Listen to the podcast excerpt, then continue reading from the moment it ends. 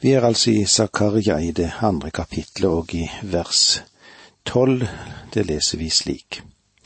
For så sier Herren, allers Gud, den hellige, som har sendt meg, om de folk som plyndret dere.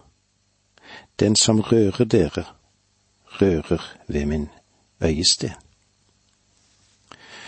Øyesten, kanskje et litt uvanlig uttrykk på en måte, da men eh, det forekommer flere andre steder i Bibelen som vi vil komme inn på litt etterpå.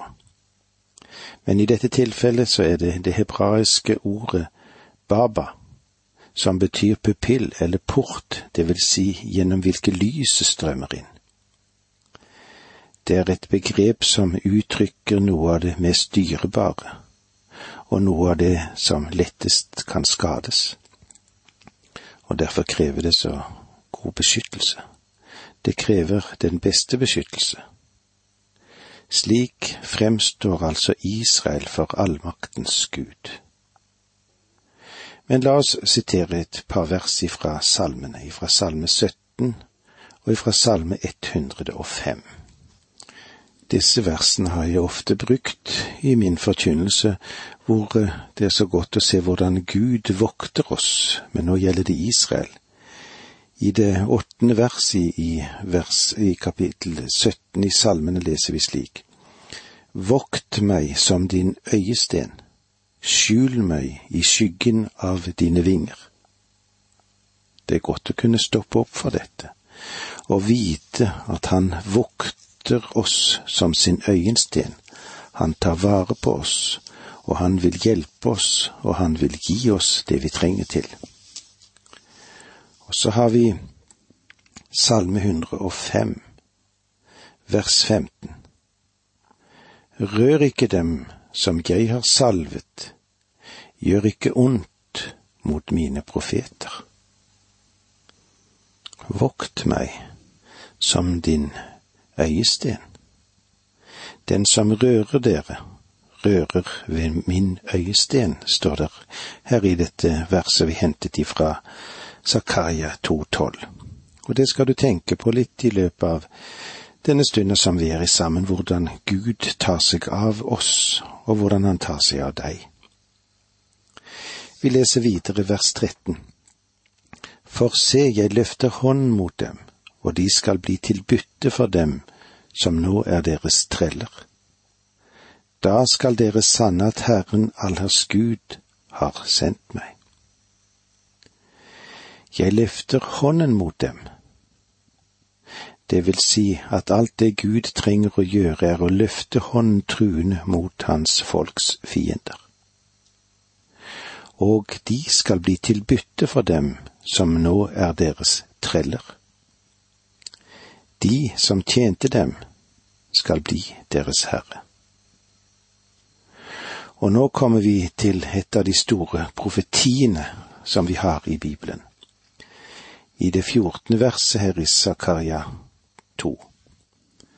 Fryd og gled deg, Sions datter. For se, jeg kommer og tar bolig hos deg, lyder ordet fra Herren. Fryd og gled deg, Sions datter. Sion er en høyde i Jerusalem. Dette navnet er annektert av mange møtelokaler både i Norge og andre steder. Sion. Men eh, Sion er den høyde som reiser seg i Jerusalem. Det er en stadig fare for at vi tar profetier som blir gitt til Israel, og at vi setter dem inn i forhold til oss gjennom den tolkningen eller fortolkningen som vi har. Selvfølgelig skal vi anvende profetiene også på vår situasjon. Men eh, vi må aldri glemme den grunnleggende hensikt med profetiene. Og her, ja, det her dreier det seg om Sion, som uttrykk for Jerusalem. Gud mener nøyaktig det han sier. Selv om dette er et syn så er det et syn som inneholder den virkelighet som Gud skisserer for fremtiden. Og her taler Gud om Sion i Israel. Og legg merke til at han adresserer det til Sions datter, som er israelsfolket. Dette er et kjent bilde på Israel, og det kan ikke bety noe annet folk. For se, jeg kommer og tar bolig hos deg, lyder ordet fra Herren. Dette mener Gud bokstavelig talt. Han skal komme til Sion og til en bestemt gruppe mennesker som vil være der. Israel, Sions datter. Fryd og gled deg, Sions datter. For se, jeg kommer og tar bolig hos deg, lyder ordet fra Herren. Vers 15 og 16 Den dagen skal mange folkeslag slutte seg til Herren de skal bli mitt eget folk. Jeg vil bo hos deg. Da skal du sanne at Herren allers Gud har sendt meg til deg. Herren skal ta Juda i eie som sin arvelodd på hellig jord, og velge ut Jerusalem enda en gang. Den dagen skal mange folkeslag slutte seg til Herren. Legg merke til her at det ikke bare er Israel, men mange folkeslag skal vende seg til Kristus på den dag. Å slutte seg til Herren er å bli forenet med ham i tro og åndelig erfaring. Herren skal ta Juda i eie. Det at mange folkeslag skal vende om, innebærer ikke at Gud ikke vil fullbyrde sitt løfte til Juda. Zakaria, han minner folk igjen om at de er Guds arv og hans del. Og dette bør være et svar en gang for alle at antisemitter, som insisterer på at Juda henviser til jødene og at Israel henviser til andre raser. Gud sier at han har til hensikt å ta Juda i eie. Som sin arvelodd på hellig jord. Dette er det eneste sted, så langt jeg vet i Bibelen, der denne termen kommer klart frem. Hellig jord. Hellig jord. Det blir brukt altså i dette verset. Det er ikke hellig jord eller et hellig land i dag. Kanskje det er noen som protesterer og sier, men det er da det hellige land. Det er det landet der hvor Jesus vandret. Vel, hans fottrinn, de er jo borte. Han vandrer ikke der nå. Men en dag skal han vende tilbake og når han gjør det, skal det igjen i sannhet være hellig jord. Å velge ut Jerusalem enda en gang innebærer at han egentlig ikke velger Jerusalem nettopp nå, og det forstår det nok. Men når han velger det enda en gang, skal det bli verdens sentrum. Husk at ingen profeti er til for egen tolkning. Det må jevnføres med paralleller til andre steder i Bibelen. La meg igjen få lov til å gjøre deg oppmerksom på et parallelt sted som står hos Jesaja 2, 2 og 3. I de siste dager skal det skje at Herrens tempelberg skal stå grunnfestet høyt over alle fjell og løfte seg opp over høydene. Dit skal alle folkeslag strømme. Mange folk drar av sted og sier, Kom, la oss gå opp til Herrens fjell, til Jakobs Guds hus, så han kan lære oss sine veier, og vi kan ferdes på hans stier. For Herrens lov skal gå ut fra Sion, Herrens ord fra Jerusalem. Og med disse ordene sier vi takk for nå, må Gud være med deg. Dette undervisningsprogrammet består av to deler. Åge Nevland fortsetter nå med andre del av dagens undervisning. Vi er i profeten Zakaria. Vi er i avslutningen av kapittel to, og vi vil snart gå inn i kapittel tre og se synet med Josva og Satan der. Men det som vi er innom her i slutten av kapittel to, er at det peker frem mot tusenårsriket. Og denne profetboken har jo så mye å fortelle oss og gi oss. I det syttende vers i kapittel to leser vi slik. Vær stille for Herren, vær levende skapning, for Han har brutt opp fra sin hellige bolig. På den dag skal hele jorden være stille. Hvordan er det i dag? Jo, i dag hører vi mye om frihet til å tale. Men i fremtiden skal det også være en vidunderlig frihet til stillhet. Hvorfor? Jo, fordi Gud skal være i sitt hellige tempel. Og dette peker frem mot hans synlige nærvær på jorden under rikets tid. Dette perspektivet på fremtiden var ment til å være en oppmuntring for folket på Zakarias sin tid. Og jeg er sikker på at det var det. Og det bør være slik og i dag. Det bør være en oppmuntring for oss. Gud har en plan og en hensikt for hver og en av oss. Han virker i ditt liv og i mitt liv. Han arbeider i våre hjerter både på det å ville og det å virke til hans velbehag. Det er vidunderlig å gå i hans fotspor, og gå i samme retning som han gjør. Vær stille for Herren, vær levende skapning, for Han har brutt opp fra sin hellige bolig. Det var det vi hadde med oss ifra kapittel to. Nå går vi altså inn i kapittel tre. Og når vi nå fortsetter dette studiet som vi har begynt på, av de ti synene som Gud ga Zakaria, så har det klart for deg at vi befinner oss i en svært så billedrik del av Guds ord. Disse ti synene må ses sammen med de fokuser på en bestemt måte i det budskapet som formidles.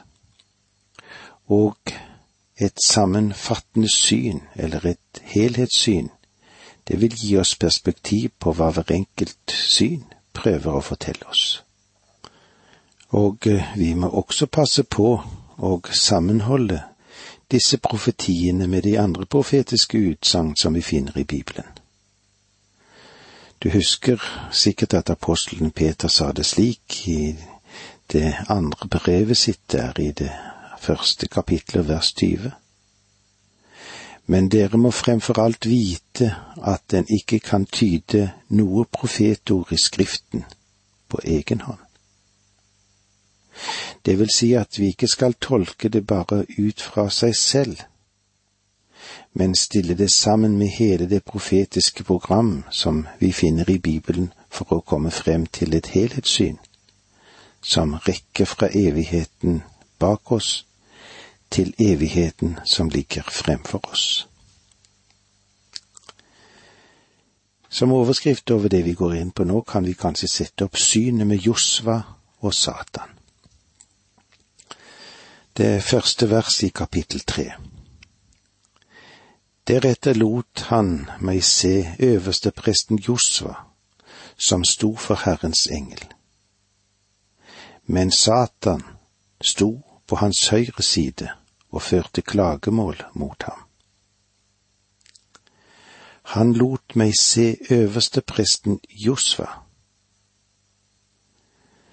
dere må ha klart for dere at dette ikke er den Josva som førte Israels barn inn i løftets land. Dette er den Josva som tjente som øverste prest blant Israels rest. De som vendte tilbake til Jerusalem etter fangenskap i Babylon. Navnet Josva betyr Gud, Javé, frelser. Og overført til det greske språket i Det nye testamentet blir dette oversatt med Jesus. Du husker at da engelen forkynte hans fødsel, så sa han, Og du skal gi ham navnet Jesus, for han skal frelse sitt folk fra deres synder, som det står i Matteus 1,21. Så du forstår at dette navnet Josva, det er jo spesielt tjenlig for denne øverste presten. Også anskueliggjør dette hva Israels folk burde være. Ja, hva skulle de være? Et folk av prester.